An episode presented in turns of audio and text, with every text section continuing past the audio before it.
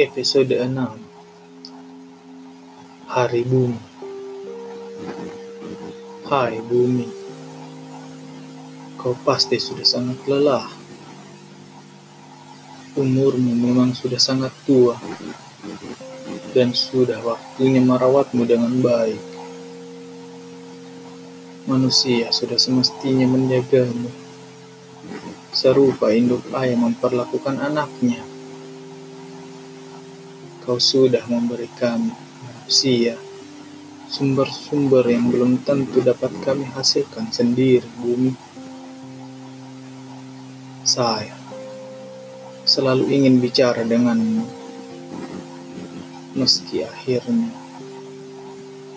saya lebih sering mendengar keluhan manusia tentang wabah. Padahal Cara menghadapinya hanya dengan bisa dengan tabah. Hatimu terbuat dari apa, bumi? Manusia-manusia selalu menyakitimu. Menebang pohon, mengeruk tanah, merusak laut, atau mengotori udara. Tapi Kau masih saja diam dan seakan-akan pasrah menerima perlakuan seperti itu. Memang, kadang-kadang kau kesal dengan ulah manusia, mendatangkan banjir atau menggoyangkan tanah adalah caramu mendiamkan manusia dari tingkah buruknya. Bumi Tahukah engkau, hujan sering datang berkunjung ke rumahku.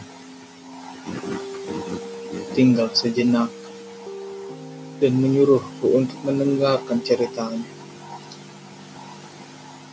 Hujan punya banyak cerita. Salah satunya adalah kisah seorang laki-laki yang merindukan perempuan. Padahal ia selalu menyalahkan perempuan pada tiap kesempatan. Dan ternyata, laki-laki itu butuh seorang perempuan yang katanya memiliki bola mata segelap malam dan pikiran sejernih air hujan.